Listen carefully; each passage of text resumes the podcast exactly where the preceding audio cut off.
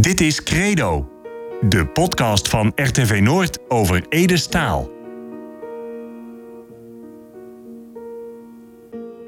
Op 22 juli 1986 overleed Ede Staal. De troubadour werd mijn vader vader Joor. Nog steeds is hij een ongekend fenomeen. Zijn versjes, zijn verhalen raakt ons grunnigers in ons hart, in onze ziel. Het wel zijn eigen verhaal bij Ede als zijn latjes. In Credo, de podcast over Ede, komt mensen naar het woord over hemzelf, over zijn muziek en over zijn leven. Overleven 27. Jasper Staal. Jasper Staal is de jongste van zes zoons van Ede. Hij was een half jaar oud toen zijn pa uit kwam. Jasper had zijn al eer dus nooit kent. Maar dat deurde wel gewoon. En hou, want door kwam we achter dat we bij Jasper op gingen. Ja, je liet ons net binnen in, eh, in je kamer. Een half uur te laat, maar dat is eigenlijk. Je wil het toch nog even. Ik wil het toch nog even. Maar, eh, Ik was mijn make-up nog aan het doen. ja. Maar, eh, ja, je deed de deur open. Ik keek jou aan en denk, verdomd. Die man die lijkt toch wel heel veel op zijn pa. Heb je dat gevoel zelf ook? Nou ja, ik, eh, ik, het is, ik hoor het wel vaker, ja. Ehm, maar ehm, het zou ook raar zijn als ik eh, op Nelson Mandela zou lijken. Of, eh, het is, ik ben een kind van hem, dus ja. En, Ja. dus, Maar je, je hebt nog vijf broers. Maar, nou ja, ik heb Ede zelf ook gekend. Maar dan denk ik van, jij lijkt er toch wel qua uiterlijk het allermeeste op. Ik eh, zei ooit een keer, misschien had de melkboer bruin haren, je weet het niet. Maar nee, ik, ik weet niet. Ehm, ik, ik, wat ik zei, ik sta niet dagelijks voor de spiegel uren mezelf te bewonderen. Maar ehm, ja, het is, het is wel apart. Ja. Maar je hebt ook dat snorretje. Dat doe ik er wel een beetje om. Hè. Dat doe je hem, erom? Ik kan hem ook scheren, maar dan, eh, ja, dan blijft er wel heel weinig over. Maar is dat bewust dan, die snor?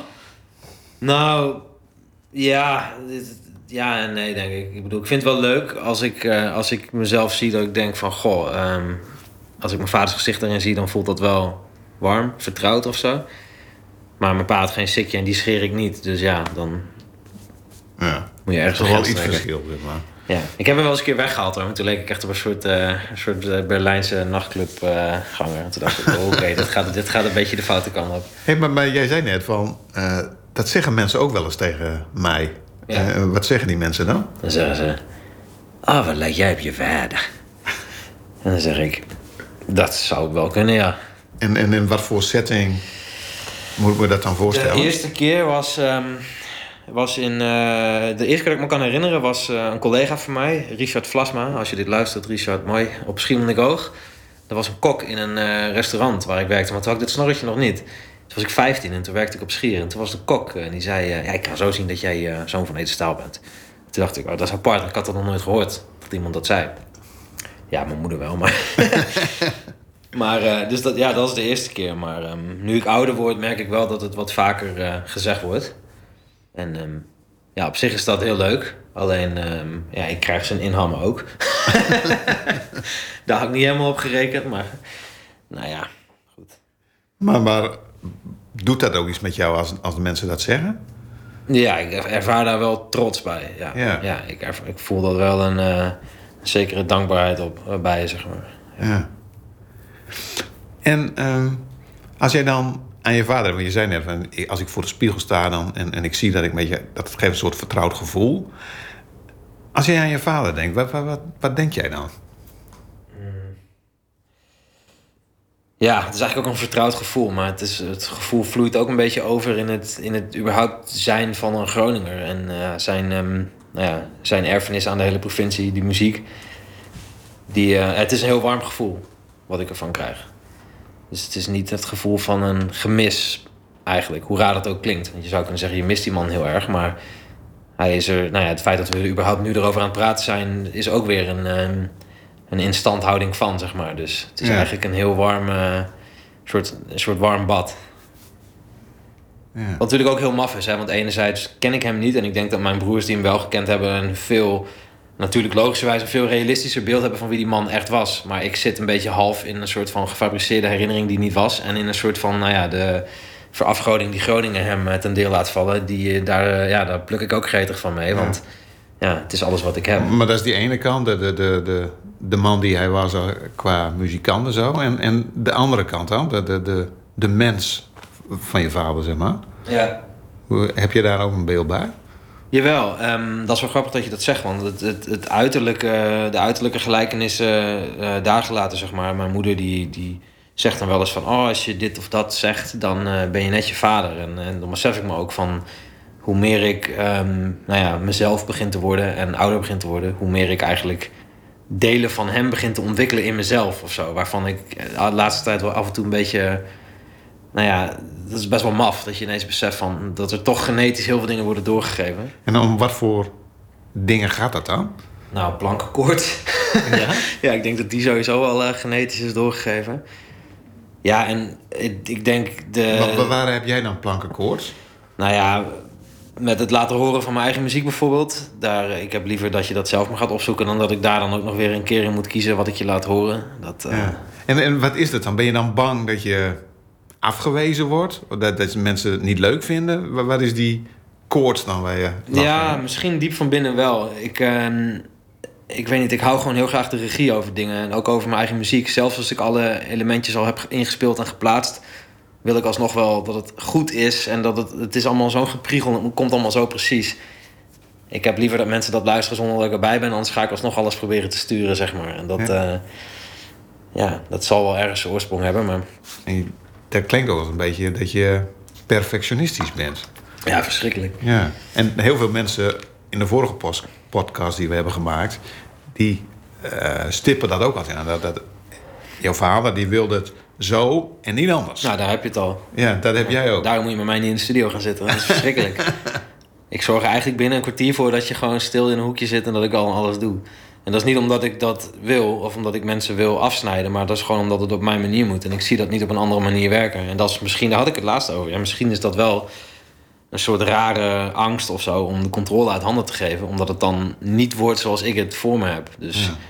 En er hangt ergens tussen ook perfectionisme en control freak zijn. ja, je kan of doen alsof ik een visionair ben, maar je kan ook gewoon doen alsof ik een scheidlijster ben. Ik denk dat het eh, ja, zo waar is als je het wil, zeg maar. Ja. Ja. En- ik ben een control freak, ja. ja. Wa- Wat voor muziek maak jij dan? Ja, nou ja, kijk, daar ga je alweer. Dan moet ik dat een naam geven. ja, ik noem het altijd ehm, de muziek. Het is een soort van videogame muziek meets hip-hop meets elektronische muziek meets house in een blender.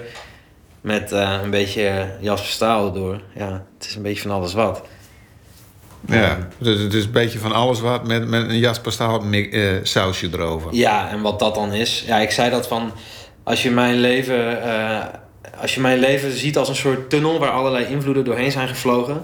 Nou, de eerste muziek die ik luisterde was vroeger de muziek van mijn broer Elwin bijvoorbeeld. Eh, de muziek van mijn vader hoorde ik toen nog niet echt.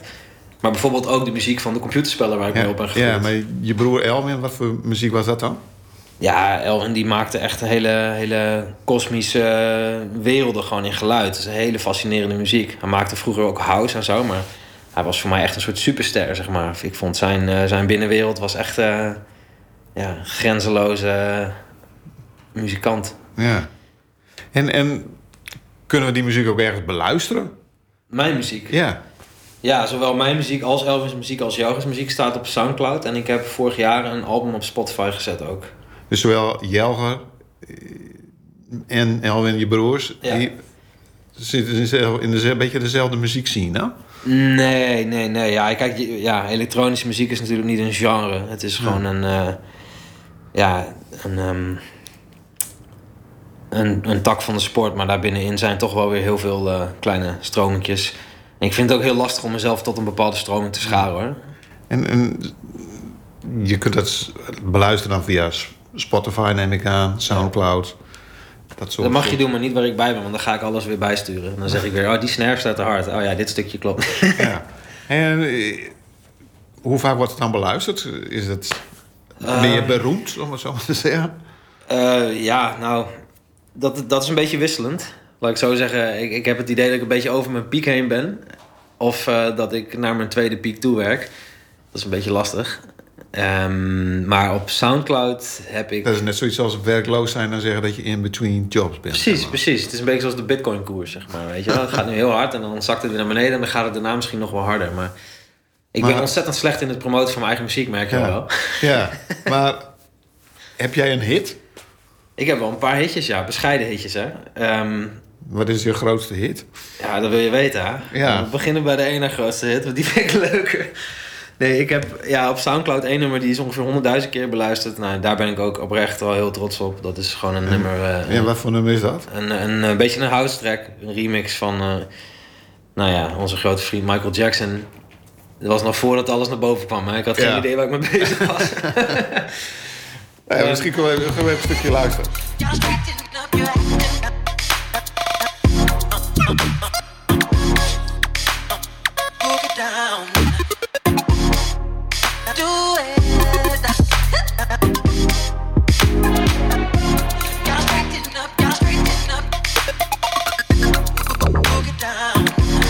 Dit dan het sausje van Jasper Staal? Ja, Dat wij ja. nu horen dat... Ja, zeker. Ja. Ik denk dat als je dit aan mensen laat horen die mij kennen, dan weten ze wel dat dit is de Jasper Staal sound. Er zit een beetje eh, orkestgeluiden in, violen en dat soort dingen, maar ook videogame sounds. Echt eh, Nintendo 8-bit geluiden.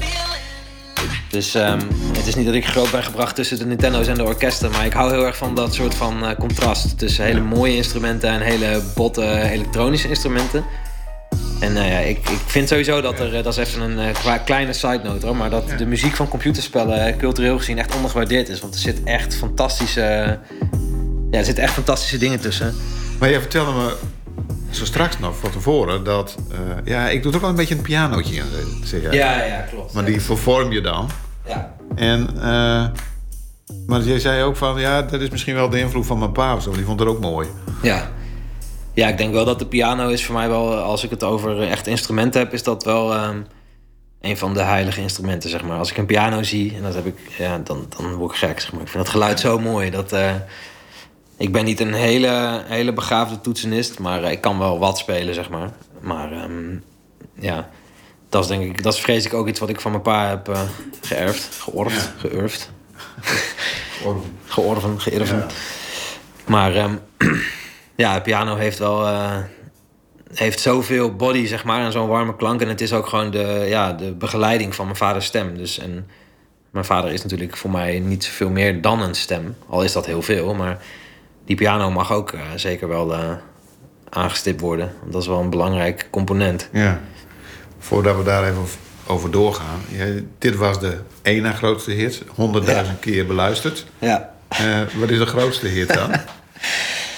Ja, dat is een, eh, project wat ik ehm, ooit via... Ik heb ooit stage gelopen bij een bedrijf dat heet GameKings.tv. En dat was een groep jongens die hadden best wel veel bereik op de YouTube-wereld. Ging over computerspellen. Die hebben toen een paar YouTubers. Dat is dus tegenwoordig... Dat is echt een beroep. Je kan YouTuber zijn. Ik weet niet of de luisteraars weten wat dat is, maar dan... eh, De vloggers, eh, de YouTubers. ja, precies. En die hebben mij toen benaderd omdat ze een soort van. eh, ehm, ze wilden een soort van how to be a rapper-achtig ding maken. En daar moest dus een beat bij komen en een producer die dan een beat ging maken. En eh, nou ja, dat moest ik worden. Dus toen heb ik een nummer gemaakt met allemaal YouTubers. Dat nummer heet YouTube Money. En Joger die wees me de laatste op. Die zei, hey, dat nummer is een miljoen keer beluisterd. Dus je hebt officieel een miljoenenhit. En toen dacht ik, oh ja, verrekt, dat is waar ook. Daar heb ik helemaal niet over nagedacht. Maar ehm, het is niet dat het, eh, dat het brood hier op de plank eh, op, sneller opstapelt dan kan eten. Want ik heb er nog eh, niks. Je, Ik ik heb er helemaal geen cent aan verdiend. Ik ben zakelijk met dat soort dingen echt een ramp. Van miljoen keer bekeken. Ja. YouTube. Geen rode Ik, cent. eh, ik maak muziek mij doe je iets en fout. dan stop ik.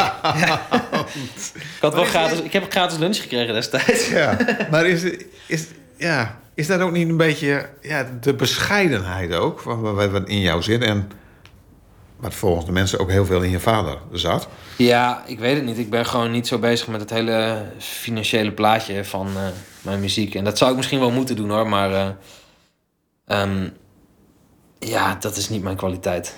Daar, eh, en daar zijn genoeg mensen waarschijnlijk die daar een slaatje uit kunnen slaan. En dat, nou ja, dat mogen ze als ze daar gelukkig van worden. Maar dat, dat, dat zit dus ergens in je karakter. Vind, vind je ook dat dat dan in jezelf in de weg zit? Ik, ik ondervind er geen hinder van of zo. Ik heb af en toe wel eens dat ik denk van... Goh, misschien zou ik daar meer mee moeten doen. Wat wel heel grappig is, is dat ik al... eh, ik maak al muziek vanaf mijn vijftiende. Nou ja, ik word 35 volgend jaar, dus dat is bijna 20 jaar. En ik ben een paar jaar geleden met eh, voiceovers voor reclames begonnen. En daar heb ik in een paar jaar meer geld mee verdiend dan met muziek in mijn hele leven. Dus ja. Dus jouw stem is ook in reclames te horen. Jazeker, Jasper Staal, knakworsten en kippenvlees uit Pekela. Dat is trouwens puur fictief hoor. Ik verkoop geen knakworsten en kippenvlees. Maar Maar welke reclames kunnen we jou dan wel horen? eh, ik heb net eentje gedaan voor Save the Children. Ik weet niet, dat, dat schijnt bekend te zijn. Ik, ik, ik snij mezelf weer in de vingers, maar ik kijk geen tv. Dus ik eh, luister ook niet naar mijn eigen reclames. Maar dat wordt een eh, reclame voor de kerst. Ehm, dan eh, ga ik jullie verzoeken om geld over te maken naar het goede doel. En misschien zou ik een reclame voor mezelf moeten maken voor mijn muziek. Ja, dat besef ik Ja. ineens. Jasper Staal. Nee, ik kan dat echt niet. Ja, en ik heb net eentje gedaan voor ehm, Bosch Car Service van de Bosch, weet je, de elektrische auto's. Ja. En nou ja, dus er staat van alles online, maar ehm, zoekt en gij zult vinden. ja. Maar dan, je zit toch wel een beetje in, de, in dezelfde wereld als je pa ook, hè? Ja, Ja, de appel valt niet ver van de boom. nee. En dan nou maken we even weer dat bruggetje naar, eh, naar de muziek van je vader. Eh, je had het net al even over de, over de, de, de piano die jij hebt meegenomen, eh, figuurlijk gezien. Eh, wat vind je van zijn muziek dan? Want jij maakt totaal iets anders. Ja, nou ja, ja, ja en nee. Kijk, enerzijds maak ik totaal iets anders, maar ik denk dat eh, wat, er zit wel een parallel in, zeg maar, tussen wat mijn vader maakt en wat ik maak. En ook wat mijn broers maken. Ik denk dat we allemaal proberen zo authentiek mogelijk te blijven en muziek te maken die heel dicht bij ons staat. Dus zeg maar muziek die logisch is voor het pad wat ons leven heeft belopen, zeg maar. Ik zou niet mijn vaders muziek kunnen maken, omdat dat niet mijn pad is, zeg maar. Ik ben niet opgegroeid... Ik ben opgegroeid in Delfzijl. Daar is een stuk minder eh, eh, boerenromantiek, zeg maar. En in Delfzijl kom je al vrij snel, kwam ik al vrij snel in aanraking met hip-hop en dat soort dingen. En dat is heel logisch dat ik dat in mijn muziek verwerk. Maar, maar ik vind mijn vaders muziek prachtig. Het is, ehm, ja, het is heel, heel nostalgisch, heel melancholisch. En eh, er zit een soort dubbel. het loopt een beetje parallel met het feit dat ik ook steeds ouder word. En de tijd waarin zijn muziek is gemaakt ook steeds meer klassiek wordt. En dat creëert een heel mooie soort van ingekapselde, nostalgische Groningse vibe, zeg maar. Ja.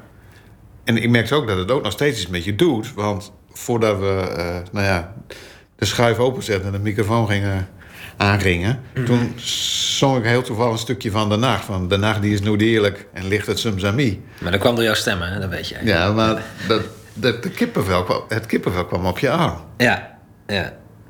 Wat, wat, is dat dan waar, waar je dan die kippenvel van krijgt? Dat zal niet van mijn stem zijn, denk ik. Nee, ja, dat is een goede vraag. Ik denk echt dat... ehm, ja, dat is, dat is toch iets met zijn muziek. Dat, ehm, dat zit zo eh, diep eh, doordrongen in, eh, in mijn DNA of zo. De, ja, dat is moeilijk om uit te leggen. Dat is Ja. gewoon, ja... Het is gewoon een gevoel. Ja. Dat is wel zo. Zit er dan ook iets van, van ja, emotie, gemis in of zo? Dat, dat, als Nou, je dat dan hoort? Ja, ja het is een heel, een heel, ehm, heel ingewikkeld gevoel om uit te leggen. Het is, eh, dat gevoel is een beetje als je allemaal snoeren en dingen hebt die je in zo'n bak hebt die je op de duur er niet meer uitkrijgt. Weet je, als je al die Ja, snoeren optilt, dat je één zo'n knop Ja, hebt. zo. Die heb ik trouwens genoeg van liggen. Zo'n kluwen van... Ja, zo werkt het ook bij mijn vader. Kijk, enerzijds is het natuurlijk... Het is heel, heel moeilijk soms dat hij er niet meer is. Want ik zou echt eh, een arm ervoor geven om een dag met hem te kunnen spenderen. Om hem alles te kunnen vragen. Maar aan de andere kant... Het gevoel wat ik heb gecreëerd... Of zeg maar de soort persoon die ik heb gemaakt in mijn fantasiewereld... Mijn fantasiewereld is heel groot. Dat kan je, daar kan je mijn omgeving wel rondvragen, zeg maar. Dan, zal je, dan snap je wel dat ik daar ook heel veel, vertrou- heel veel comfort uit haal, zeg maar. En ja, ik, ik, het heeft iets heel, heel bijzonders, vind ik, dat mijn vader eigenlijk is overleden in het huis waarin ik geboren ben. En dat ik ook heel veel op hem lijk. En niet in, qua uiterlijk, maar in denken en doen. Dat, het voelt eigenlijk heel vertrouwd. En het voelt eigenlijk ook alsof ik niet, ehm, niet volledig alleen ben of zo. Af en toe heb ik het idee dat, dat mijn vader toch iets heeft achtergelaten in mij wat ik in me draag. En ja, dat ik niet, niet zoveel moet zoeken naar wie hij was, maar dat ik gewoon moet doorgaan met wie ik ben. En dan komt dat wel op zijn plek of zo. Toch ook wel een heel mooi, mooi gevoel dan op zich. Ja, heel erg, heel erg. En dat is niet altijd zo geweest hoor. Maar ik heb ook wel eh, periodes gehad dat ik echt zoekende was in mezelf. En dat ik wel dacht van, goh, had ik een vader gehad, dan had hij me misschien kunnen helpen met eh, uitvogelen wie ik ben. Maar ik heb natuurlijk ook al mijn broers en nou ja, een provincie die hem ook draagt, zeg maar.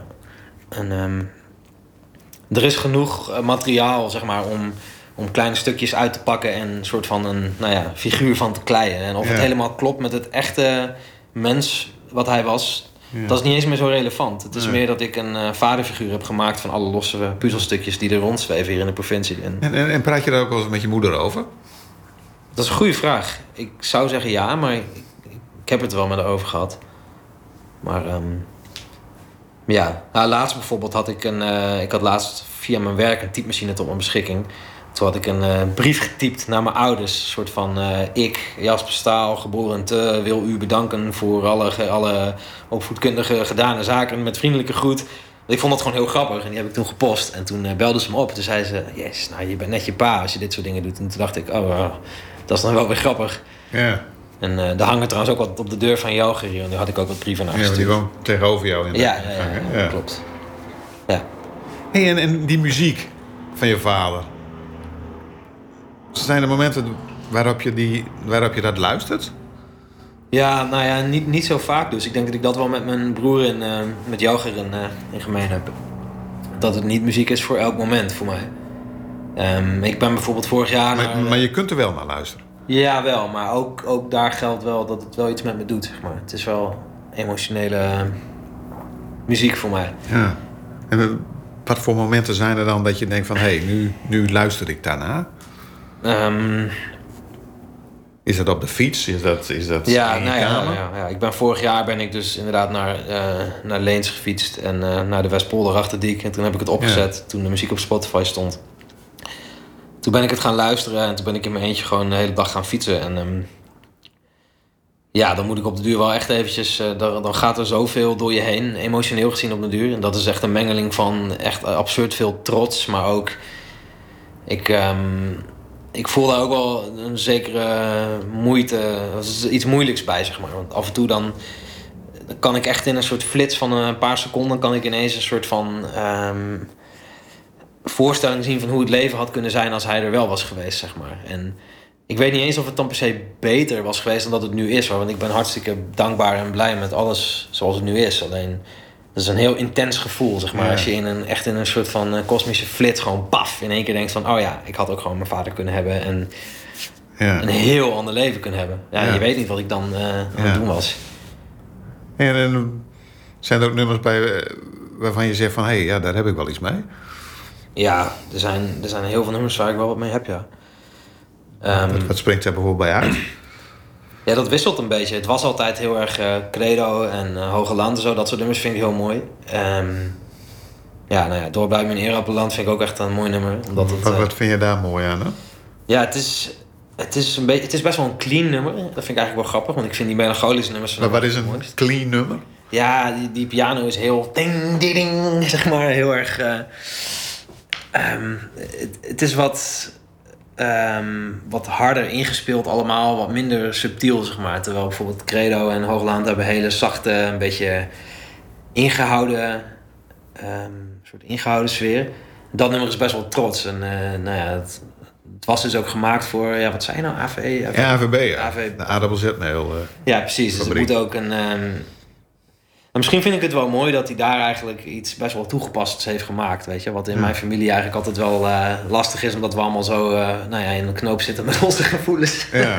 en daar eh, het mooiste ja. uitkomt. Nou, dan heb ik luisteren. Die bedoel je dan ook, hè? Die... Ja. En ik vind zijn stem hier heel mooi uitkomen.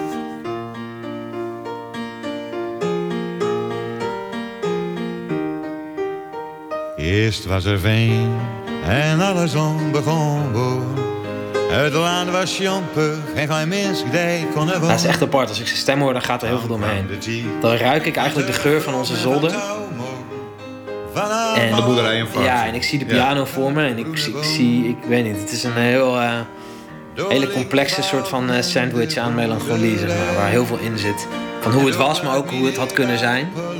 Maar ook hoe het is geworden en dat het goed, wel goed is, zeg maar. Dus dat is, eh,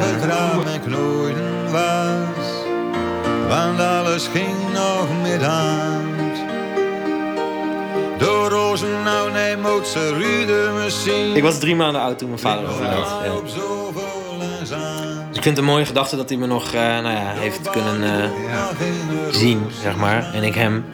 Het is alleen zo verrekte jammer dat je als eh, nuljarige zo weinig onthoudt van het leven. Ja, misschien is dat maar beter ook. Ja, maar, zijn er ook nog foto's van? Zijn dat jij, dat Weet jouw vader, dat weet je niet. nee. Dat, ik moet eens een keer bij mijn moeder weer in de fotokist. Moest ik trouwens aan denken, wat ik wel grappig vind, is dat er heel veel over mijn vader gezegd wordt, natuurlijk, al jarenlang. Maar dat ik af en toe wel eens eh, bijna zou zeggen, maak ook een podcast over mijn moeder. Want dat is eh, ook echt een hele bijzondere en prachtig mens. Maar ja, die zingt niet. En dan, eh, dan, dan gebeuren alle heldhaftigheden achter de schermen. Maar Wij hopen dat, dat ook je moeder nog in deze serie verschijnt. Want dat zou natuurlijk wel heel ja, erg mooi zijn. een, Ja. dat is een moeilijk te vangen vlinder. ja. maar ja, misschien moeten we nog even goed netjes zien te verzinnen. Ja, misschien moet je mij gewoon meenemen als een Ja. paard van Troja. En dan klap ik jullie ineens zo... Ja.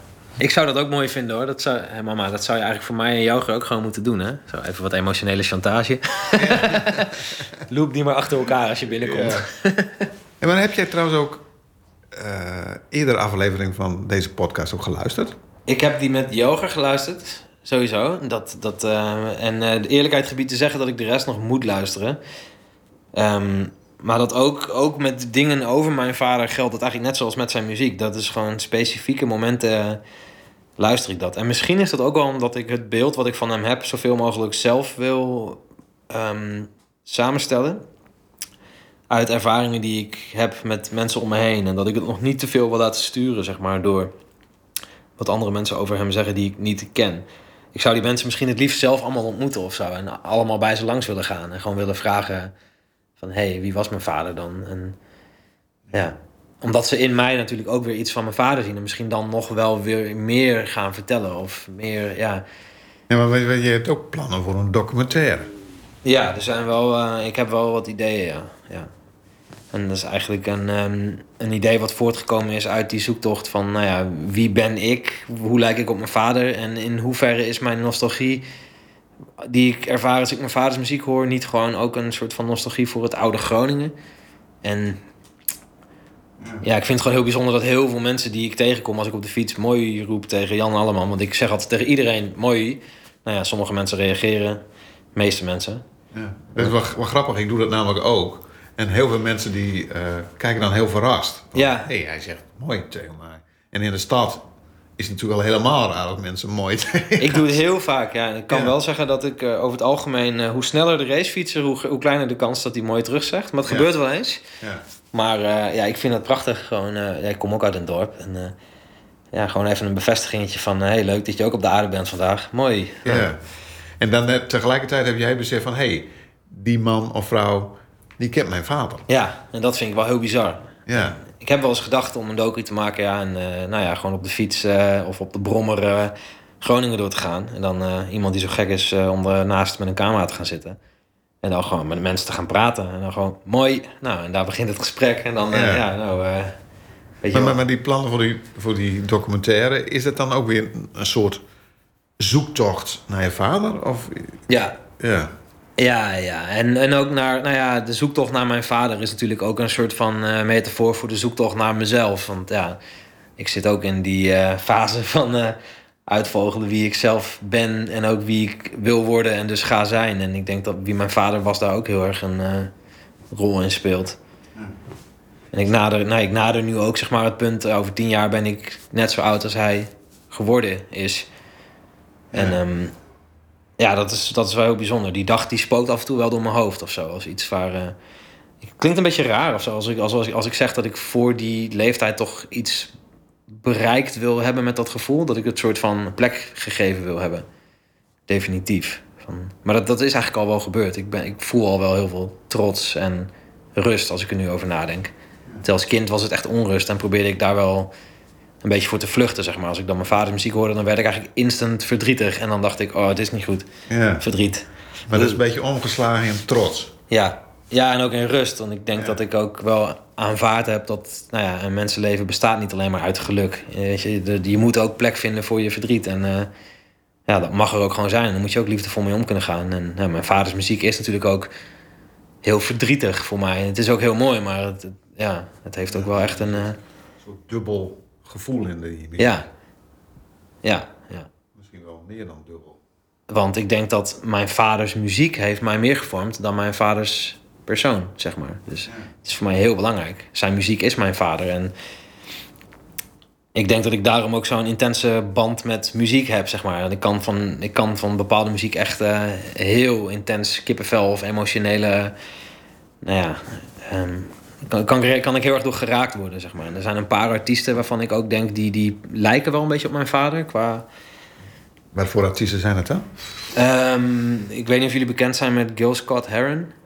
Dat is een artiest. Die vind ik erg op mijn vaders muziek lijken. Ehm, het is een eh, soulzanger uit Amerika uit de jaren 70. Hele authentieke ehm, man. En echt ook iemand die best wel veel pijn in zich droeg. Maar dat ook heel... Met een hele, nou ja, best een zware stem eh, zong die daarover. En Ja. Hey, heb jij het gevoel, want je hebt het nu over die pijn die die man in zich droeg. En je zei voor mij zelfs het woordje ook. Dat jouw vader ook die pijn in zijn muziek, in, die, in zijn stem heeft. Ja, wel een beetje, maar ehm, ik denk dat dat gewoon eh, een, een, een pijn is die. Die ehm, want ik, ik, ik kan een beetje zien waar deze vraag zeg maar, potentieel heen kan gaan, natuurlijk. Eh, omdat er natuurlijk ook wel in zijn jeugd eh, dingen zijn gebeurd. Dus ehm, Ja. de, ik, ik denk ook dat het de pijn is die. die ehm, hoe zeg ik dat subtiel? Het, ja, laat, laat ik zo zeggen, de pijn die het leven aan zich al op je, op je kan eh, leggen. Want het leven is gewoon best wel complex en moeilijk als je zoveel nadenkt. Als, ehm, nou ja, mijn pa en ik denk als ik en mijn broers ook. Ehm, Denkers. ja, ik denk dat de, de opmerking, of zeg maar, het, de, het ehm, ik strompel even over mijn woorden hoor. Men zegt wel eens, ignorance is bliss. Ik weet niet hoe je daar in het Nederlands, eh, de onwetendheid is, een, onwet, onwetendheid is een soort van eh, zegen, zeg maar. Dat zo zou je het kunnen vertalen. En ik voel dat wel. Want soms zeg maar het veel nadenken en piekeren over het, eh, over het leven, dat eh, maakt het leven niet per se makkelijker. Want ook in de vorige podcast er wordt vaak gezegd van... Ja, je vader had altijd zo'n blik en dan keek hij in de verte en dan dacht hij na. Ja. En dan wordt vaak eh, wordt dat dan gerelateerd aan ja, het verleden van zijn vader.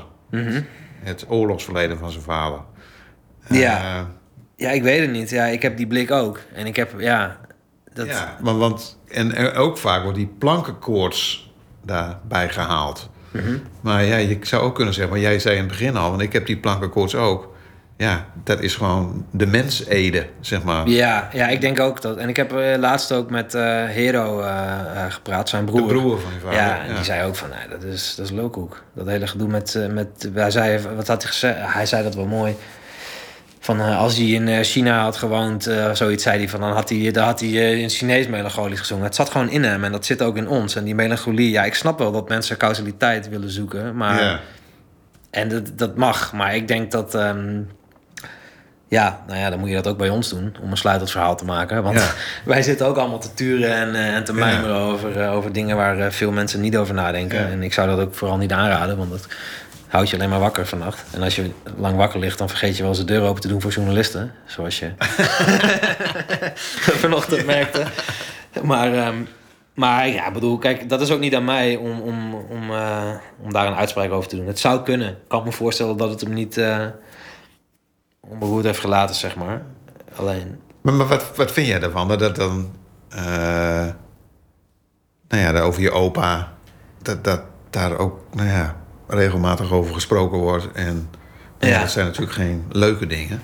Nou, eh, weet je, het, is, het was natuurlijk ook een andere tijd. Hè? En ik denk, ehm, ik, ik probeer mijn opa ook met vergiffenis te interpreteren als een man die ook op dat moment dacht dat het beste was voor hem en zijn gezin. En dat was natuurlijk een andere tijd waarin Nederland ook niet eh, was zoals het nu is. Dus ja, ik, ehm, ik kan daar wel over oordelen met eh, een 2020 bril op. Maar ik, ja, hij zal zijn redenen hebben gehad, denk Ja. ik. En wat vind je van dat, dat mensen hun oordeel daarover hebben?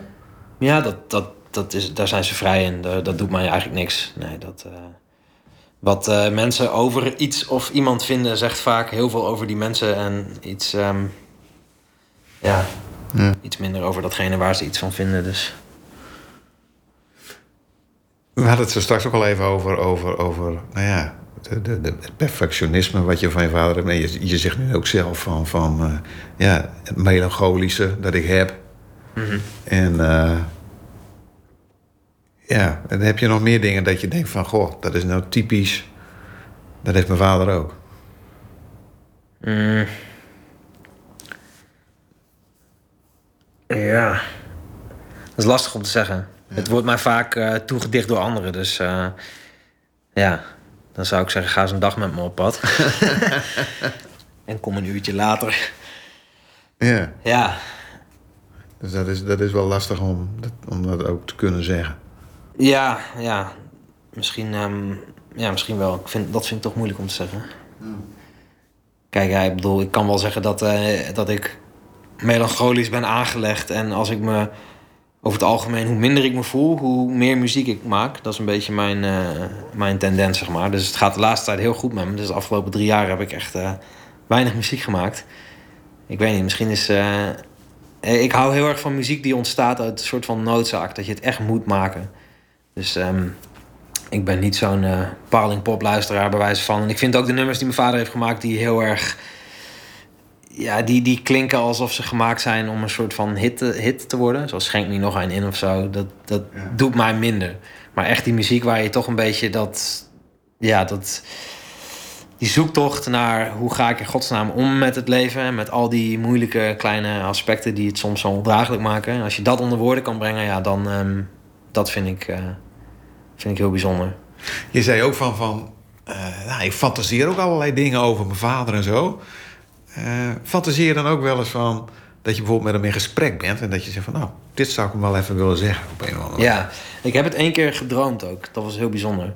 Toen droomde ik dat ik met hem in gesprek was. Ik weet er niet heel veel meer van, maar ik werd echt wakker met tranen in mijn ogen. Dat was heel bizar. Heel bizar. Ik wilde bijzonder en bizar zeggen, dus dan heb ik een nieuw woord en dat is bizar. Maar ja, dat was wel ehm, dat was heel intens.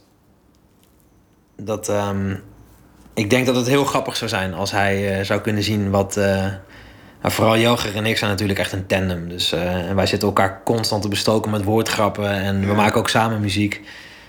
Ehm, dus ik denk dat hij daar heel erg van zou kunnen genieten. Maar ehm, ja. Ik kan me voor de rest niet echt een voorstelling maken hoe dat zou zijn. Ik ben gewoon heel dankbaar dat ik in ieder geval allemaal broers heb die, eh, ja, die stuk voor stuk allemaal wel een beetje iets van mijn vader, zeg maar, aan ons eh, laten zien of blootstellen, zeg maar. Even slokske water. Er wordt een- iets van emotie eh, kwam er nu boven, of niet? Nou, vooral gewoon heel veel gedachten door elkaar. Het is weer die, die, die kabels, eh, die liggen weer allemaal door elkaar, zeg maar. En dan, ehm, zeg maar, sommige, op sommige plekken in mijn brein is het wat moeilijker denken, zeg maar. Daar is het, eh, daar is het, eh het blupsie wat dieper. dus dan zak ik een beetje weg in, eh, ja, in, dan ga ik ook een beetje dromen, zeg maar. Pff. En, en- en foto's van je vader of, of, of, of beelden zijn, nou ja, heel klein, heel klein scala aan, aan beeld van je vader ook. Als je daarnaar kijkt, wat heb je nou? Ik, ja, mooie kerel. Ja. Daar kan je ook wel naar kijken. Ja, zeker. Ja, dan zie ik gewoon een hele markante, markante kop, zeg maar. Dan denk ik, oh ja, dit is wel een... eh, Ik kan me wel voorstellen dat het een hele eigenzinnige man was. Want zo ziet hij er wel uit. Als iemand die, eh, die wel de boel wilde regelen, zeg maar. En als je dan zelf in de spiegel kijkt, Ja, dan zegt mijn moeder weer, ah, je bent zo dominant. Dan denk ik, ja, nou, ja. Ik heb mijn genen niet uitgekozen, hè. Ik bedoel, eh, ja. Ja, als ik zelf in de spiegel kijk, dan... ehm, dan gaan er dingen ehm, door me heen, zoals prachtige man, fotomodel. nee. nee, dan denk ik gewoon, ja, daar staat een kind van zijn vader en moeder. Ehm, ja, ik moet, al, ik moet vooral heel vaak lachen als ik mijn eigen hoofd zie in de spiegel. Dan denk ik, man oh man, staat hij weer. maar goed, dat is een beetje ongerelateerd eh, met mijn vader, denk ik hoor. Maar eh, ja, zou je nog iets tegen je vader, als je nou iets nog tegen hem kon zeggen, wat zou je dan tegen hem zeggen? Ehm, dat is een goede vraag. Ja. Dat is echt een goede vraag. Echt één ding in het specifiek niet zozeer. Ik zou gewoon heel graag met hem zeg maar, alles willen doornemen wat ik heb gedaan. En ook wat Joger bijvoorbeeld heeft gedaan. Ik neem ons even in één zin, omdat Joger en ik toch wel eh, een soort symbiotische Optimus Prime zijn. Zeg maar. Wij zijn zeg maar, toch wel met z'n tweeën echt één, heel lang één... ehm, ja, Een soort een soort één conglomeraat. Ja, ja, een Ja. soort een-eigen tweeling. Wat we natuurlijk ook een beetje zijn geworden door de omstandigheden. Ja. Is anderhalf jaar ouder, maar ja, we zijn natuurlijk opgegroeid eh, samen in een huis waar geen vader was. Dus dan scherm je elkaar ook heel erg af voordat. eh, Uh, jullie met z'n tweeën dan tegenover je vader zo zitten, waar, zou je het dan over hebben? eh, man. Ja, over wat wij hebben gedaan terwijl hij er niet was. En wat hij daarvan vindt. En ik denk dat ik het wel weet. Want ik voel dat wel, zeg maar. Ik denk als ik trots voel over wat we zelf aan het doen zijn... dat ik stiekem een beetje voel wat mijn vader ook zou voelen. Want als ik zoveel op hem lijk, dan eh, moet je soms denk ik de camera gewoon op jezelf richten. En eh, ja, is dat het. En hoef je het niet, zoeken je niet te zoeken buiten jezelf. Maar ehm, is het er eigenlijk al.